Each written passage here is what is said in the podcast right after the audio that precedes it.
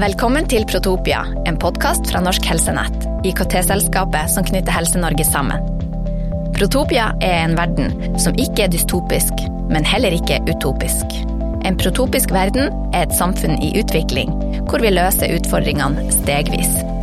Jeg heter Mette Valle Sandnes, og i denne podkasten snakker jeg med mennesker som kan gi oss sin del av svaret på hvordan vi kan skape en bærekraftig helsetjeneste ved hjelp av teknologi. I dag har jeg med meg Ola Stenseth i studio. Ola er direktør for plattformtjenester og applikasjonsdrift i Norsk Helsenett. Han er her i dag for å snakke om veien fra tradisjonelle datarom til lagring i skyen. Ola og hans gjeng sørger for drift av tjenester som eksempel Helse Norge, Kjernejournal og Helsenettet. Men også veldig mange flere løsninger, ca 80 nasjonale IKT-løsninger.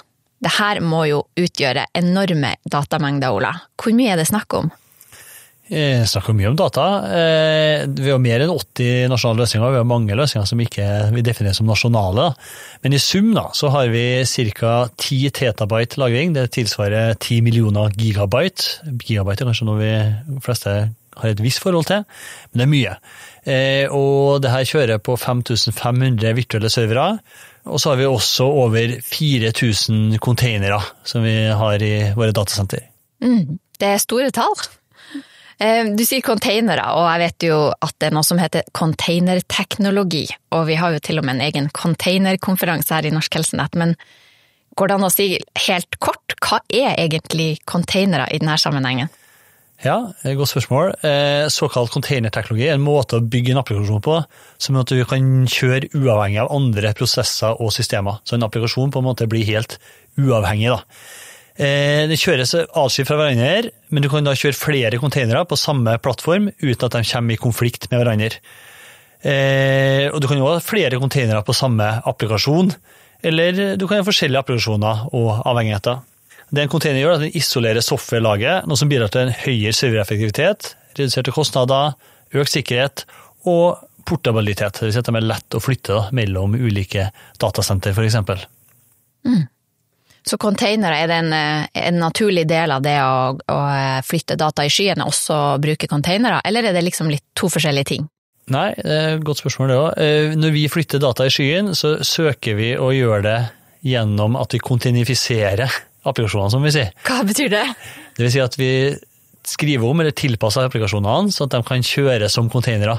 Det vil si at du tar ned avhengigheten til andre systemer, sånn at applikasjonen da er på en måte self-contained, som vi sier på godt norsk, klarer seg sjøl, og da er mindre sårbar for å gå ned. Det vil si ja, du får mindre fellesfeil, kanskje, da, i en skyverden. Fordi at du, applikasjonen i større grad klarer seg sjøl enn den ville ha gjort i et tradisjonelt datasenter.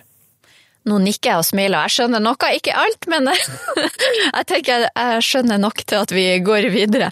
Fordi det, det spørsmålet jeg ikke har stilt ennå, er jo liksom det. Hvorfor flytter vi data fra serverrom til sky? Det er mange grunner til det. For vår del handler det mye om beredskap. Tjenester skal være tilgjengelig uavhengig om ett eller flere datasenter går ned eller blir utilgjengelig. Tradisjonelt sett så har jo gjerne tjenester stått i ett datasenter. I Norsk Helsenett så er det faktisk sånn at vi har duplisert tjenester, men vi har duplisert dem også innenfor samme datasenter. Så da skulle det verste skje, da, på en måte en brann, ras, et eller annet, eller at det datasenteret blir utilgjengelig, så hjelper det ikke at du har redundante system. Da hadde jo det rommet vært nede, da hadde tjenesten vært nede. Men vi har jo gjennom denne kontinifiseringa og da at vi kan spre lasta over flere datasenter, så er du kvitt den risikoen. Så gir det også store effektiviseringsgevinster. Automatisering i skyer sørger for å fjerne mange manuelle rutiner og gjør det enklere å skalere opp og ned ut ifra kundenes behov og vi øker fleksibiliteten vår. Og vi ivaretar også sikkerhet på en bedre måte når vi flytter til sky. Så får vi bedre kapasitetsutnyttelse. Vi erfarer at vi klarer å produsere tjenester billigere i sky enn vi gjør med tradisjonell infrastruktur. Så i sum så er det mange gevinster å dra denne veien. Mm. Også det, det, med strømforbruk og sånn har jeg hørt at det kan være et element i det her. Ja, i sky så heter det seg jo Du må jo på en måte være flink og etterlede, men at du kan ta ned last hvis du ikke bruker det, Og det er man nok flinkere til i den allmenne skyen. Jeg regner med å stille meg noen spørsmål om det etterpå, hva er forskjellen på en allmenn og privat sky. Men at man skal si, eh, tar opp servere, eller tar opp datakraft når det behovet er, og så tar du ned når det ikke er der. Så at du da skrur av rett og slett datakraft når det ikke er i bruk. Og da sparer du strøm på, i stedet for at eh, du har servere eller lagringsløsninger som står oppe og kjører, uten at det faktisk er behov for det på det tidspunktet. Mm. Det med ja, overgangen fra, fra tradisjonelle datarom til sky, er det en del av det, eller det er omfatta av det begrepet som heter grønn IT? Eh, tja, grønn IT, det er litt sånn definisjonsspørsmål, da. Eh, IT-utstyr har jo per def en negativ innvirkning på miljøet, fordi at det bruker strøm, og det krever kjøling, som igjen eh, krever strøm. Eh, og så har du også avfallshåndteringa på systemet. Eh, så at, ja, du må ha utstyr, du må avskaffe det. Så det hjelper. Sky gjør ikke noe med det. Men det her med bedre ressursutnyttelse av utstyret når du faktisk har det, eh, der er jo skyreisen med å hjelpe oss. Fordi at vi da faktisk utnytter den kapasiteten på det utstyret som vi har. Eh, ellers så er det sånn, i forhold til grønn IT, så er det jo mye vi gjør som er inn under grønn IT. Det handler om når vi anskaffer utstyr, at vi stiller krav til at det skal være energieffektivt utstyr. Det skal på en måte produseres mest mulig miljøvennlig. Skal, vi har avtaler på hvordan vi skal avhende utstyr og skal kunne gjenbrukes best mulig. Eh, men det kan ikke Skyreisen ta æren for. Eh, men da, som sagt, da er det utnyttelsen av utstyret som Sky kan smykke seg med litt sånn mm. grønnskjær i. Ja. Litt grønn skjær i skyen òg. Mm. Ja, det er mulig vi skal ha en helt egen episode om grønn IT, så du skal slippe å gå mer i dybden på det, men det, det er godt å høre. Og, og, når vi snakker bærekraft, så er jo også den økonomiske dimensjonen en del av det. Mm. Men uh, du var litt inne på det med beredskap og sånn uh, eh, knytta til et serverrom, men akkurat idet man flytter fra datarom opp i skyen, er det noe risiko forbundet med det? Eh, ja, det er bestandig en risiko eh, når man eh, flytter data eller gjør ting med et IT-system. Alle endringer på et IT-system innebærer per def en grad av risiko. Men så lenge vi gjør ting planlagt og på en måte ja, godt planlagt og kontrollert, så vil jeg si at risikoen for å flytte til skyen er svært liten. Det er egentlig en veldig snill form for endring. For det vi gjør når vi flytter da, er jo at vi har jo system kjørende i eh, et tradisjonelt datasenter. Og så si, blæser vi opp det nye eh, i skyen. Og så gjør vi jo tester der, og ser at det funker. Og så på et eller annet tidspunkt så bestemmer vi at ok, nå kjører vi et endringsvindu, nå legger vi lasta over på sky og tester at det funker der. Hvis det ikke funker, så har vi jo ikke skrota det gamle, så da er det bare å skru bryteren tilbake og gå til det gamle igjen. Eh, og da kan du kjøre der helt til du har fått det til å fungere i sky. Da. Så det er en sånn ja, lav grad av risiko. Og så er det egentlig ganske ukomplisert å flytte inn i sky, så det er ja, Jeg tror ikke jeg har vært med på ennå at vi har vært nødt til å skru tilbake. Selv om vi har begynt å flytte en del system over. Det høres veldig betryggende ut. Ja, vi har flinke folk ute som har, eh, gjør det her godt planlagt og kontrollert. Du var jo litt inne på det i stedet her med ulike typer sky. Allmennsky, privatsky og hybridsky. Hva er det egentlig det innebærer? Eh, ja, Vi kan jo begynne med allmennsky, da, eller eh, offentlig sky som det også kalles, og public cloud. Eh, mange navn på akkurat det samme. Eh, det er datatjenester som tilbys av en profesjonell leverandør, tredjepartsleverandør som vi sier, da, over internett. Der data lagres i datasenter eh, rundt om i verden. Eh, Allmennsky har som mål å tilby kostnadseffektive, sikre og skalerbare IT-tjenester, hvor kundene kun betaler for den kapasiteten som de tar i bruk. Så der kan du på en måte skallere alt etter behov eh, for tjenestene. Og det er selvbetjeningsløsninger, så du styrer sjøl. Du ja, trenger ikke på en måte å ringe eller sende inn en henvendelse, du, bare, du får den datakrafta du ønsker, når behovet er der. Privatsky vi etterstreber jo å ligne på allmenn sky. da. Eh, forskjellen her er at Norsk Helsenett eh, står for drift av hele den skyplattformen. Og på den måten så har vi full operasjonell kontroll, og data er lagra i våre datasenter i Norge. Eh, Privatsky er også bygga sånn at den skal fungere selv om internett ferner. Under utarbeidelse av spesifikasjoner for privat sky så var det et av kravene vi kalte kutte kablene-scenarioet, hvor vi sa at vår private sky skal fungere selv om Norge blir isolert fra resten av verden. Det var ganske sånn far-fetched når vi lagde spekken på det, for det var, folk skjønte ikke hvorfor skal dere eh, Er det i det hele tatt realistisk? Mm. Hvis vi ser på Ukraina-krisen, som kom ikke så lenge etterpå, så ser du plutselig at det er jo høyst realistisk at eh, en krigføring vil prøve å ta ned eh, store deler av infrastrukturen. Så vår private sky da skal kunne fungere, selv om eh, vi mister tilgang til internett. Og Så har vi også hybridskyer som kommer inn, og som er egentlig binder sammen privat sky med én eller flere allmenne skyer. Det betyr at vi kjører deler av løsninga i den private skyen, men tar i bruk allmenn sky på andre deler av løsninga, der det er mer hensiktsmessig. Eller det kan også være sånn at la oss si at vi ikke har nok kapasitet da, i en periode på en tjeneste, og at man da må ta i bruk datakraft utafor oss sjøl for å klare å levere tjenesten på en eh, tilfredsstillende måte. Nettopp.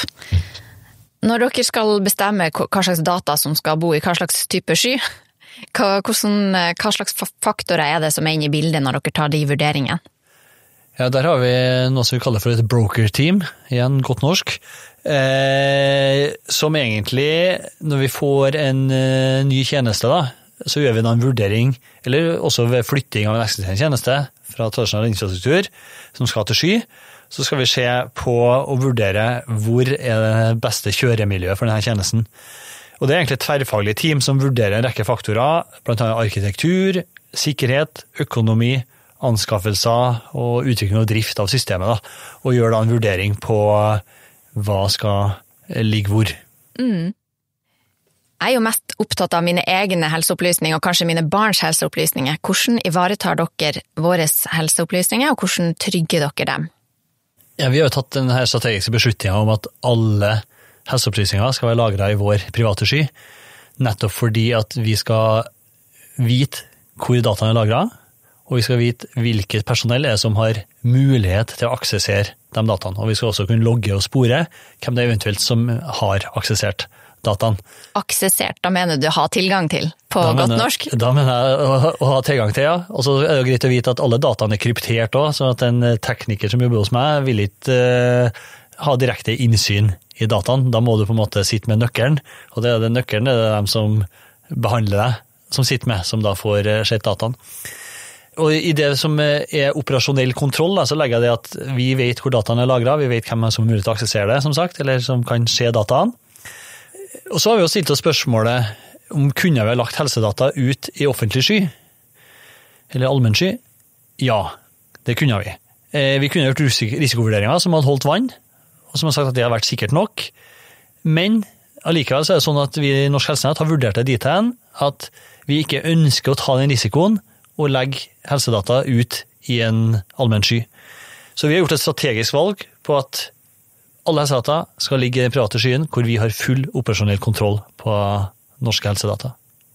Betyr det, Ola, nå må jeg bare få det bekrefta fra deg, mm. at eh, f.eks. helseopplysningene mine, som i dag Det ligger jo mange av mine helseopplysninger ligger jo i Helse Norge, og mine mm. barns helseopplysninger ligger i Helse Norge. De er trygge. Ja, eh, nå ligger ikke de i Helse Norge, men Helse Norge kan vise fram data som ligger i andre system, men alle de systemene er lagra hos oss da, i norske datasenter, ja. Ja, det var en grei presisering, men de er trygge med andre ord? De er trygge. I en privat sky? Eh, Eller på vei inn i skyen? På, på, vei inn i skyen, vil jeg si. Noen av dataene ligger i den private skyen, andre er på vei inn i den private skyen. De ligger da i våre tradisjonelle datasenter, men de ligger i de samme datasenter, for skyen bygges i de datasentrene som vi ellers også har. da. Nettopp. Hva er egentlig planen fremover? Jeg vet dere har noen ambisjoner om at alt skal inn i den private skyen, eller alle helseopplysninger skal inn i den eh, private skyen etter mm. hvert. Kan du si litt om det? Ja, Vi har satt en målsetting om at i løpet av 2025 eh, så skal alle data, eller alle system da, som vi drifter i Norsk Helsenett, være flytta over i sky. Enten i privat eller allmenn sky, eller i en hybrid skyverden. Eh, og grunnen til det er jo først og fremst det handler om å hente ut eh, verdien eller effektene av eh, at de ligger i sky. Eh, her ligger det også mye besparelser i forhold til automatisering og selvbetjening for dem som utvikler løsningene, sånn at de kan utvikle og iterere og lage mer smidige, agile løsninger, som vi sier. da, Sånn at du produserer verdi ut fortere. Eh, og så er det også sånn at vi ønsker å bli kvitt eller få dem ut av det tradisjonelle datasenteret, fordi at det sparer oss for mye kostnader. Vi ser at vi produserer billigere infrastruktur i sky. Eh, Flere grunner til det. Og da vil det være forholdsmessig veldig dyrt å ha igjen få system på den tradisjonelle infrastrukturen. Så for oss så gjelder det da på en måte å Du på en måte når et punkt da, hvor det ikke er kostnadsbærende å ha det tradisjonelle datasenteret eller tradisjonelle infrastrukturen opp og kjøre lenger. Da vil vi bare bli kvitt den fortest mulig. Så da handler det om å gjøre det her ganske fort. da, Rive av plasteret fort. Nettopp. Ellers gjør det økonomisk vondt. Ja. Og så handler det også om å få snudd alle ressursene da, inn mot skysatsinga, så at vi får brukt alle ressursene våre inn på det nye, og ikke må bruke mange ressurser på å drifte den her tradisjonelle infrastrukturen. ja. Eh, Hvis jeg husker rett, så har vi gått fra 22 til 4 datasenter. Var det riktig? Ja, det, men det handler for så vidt ikke om skyreisen. eh, Men det handler om at eh, Norsk Helsenett eh, Vi hadde jo en del datasenter sjøl, og så overtok vi ansvaret for eller all IKT-drift for helseforvaltninga, en rekke statlige etater der. Og da var det vel 2017 at vi sto med 22 datasenter. Så der har det vært en konsolideringsjobb, også for å øke sikkerheten. Det å skal vi si, ha full kontroll på 22 datasenter er krevende, og nå er vi nede i fire, og det er der vi ønsker å være. Og så skal det sies at Norsk Helsenett har ikke egne datasenter. Det, de datasentrene som vi har, der leier vi kapasitet fra profesjonelle aktører, som vi da innplasserer vårt utstyr i. Um, sånn, litt, hvis jeg skal prøve å oppsummere litt det jeg tror jeg du har sagt, det er at uh, data i sky, det er mer miljøvennlig, det er billigere, og det er også enklere å, å innovere når man har dataen i sky. Er det det du tenker på som de liksom tre hovedfordelene med sky? Ja, jeg tror du oppsummerer en god del av det der, ja. Ja, det høres veldig bra ut. Er det noe du ikke har fått snakka om i dag, eller noen spørsmål jeg ikke har stilt, som du syns jeg burde ha stilt? Eh, ikke sånn opplagt om privat sky, eller eh, det, var et ting jeg kanskje skulle si, da, eller sånn betrygge dem som måtte lytte her, på, på en måte hvordan jobber vi med drift, eller hvordan sikrer vi dataen, da, for du, du spurte litt om hva er risikoen. Eh, vi jobber jo på en måte med, og da tenker jeg risiko på at dataen er tilgjengelig og oppe til enhver tid, da, for at i helseverdenen handler det om at data skal være tilgjengelig til dem som har behov for dataen til riktig tid, er viktig. Eh, Og I Norsk så har vi et operasjonssenter som jobber 24-7. Dvs. Det vil si at de, det er bemanna døgnet rundt. Som sitter og monitorerer helsestatusen på alle våre datasystem, infrastruktur og applikasjoner. Så at hvis det skjer, eller de systemene ikke fungerer tilfredsstillende, så går det en alarm, og de får da vite om det umiddelbart. Og så har vi en rekke vaktstyrker som de, eh, operasjonssenteret kan spille på, som de da på en måte eh, ringer opp og aktiverer om det skulle eh, skje noen behov for å feilrette. Så da har vi infrastrukturvakter på grunnleggende infrastruktur, altså på skyplattformen, men så har vi også egne vaktstyrker på de viktigste applikasjonene. Så det er jo greit å vite. Takk til deg, Ola. Takk for at du kom hit, og det er betryggende å høre at dere passer på helsedataene våre og lagrer dem i en trygg, privat sky. Og takk til deg som hører på Protopia.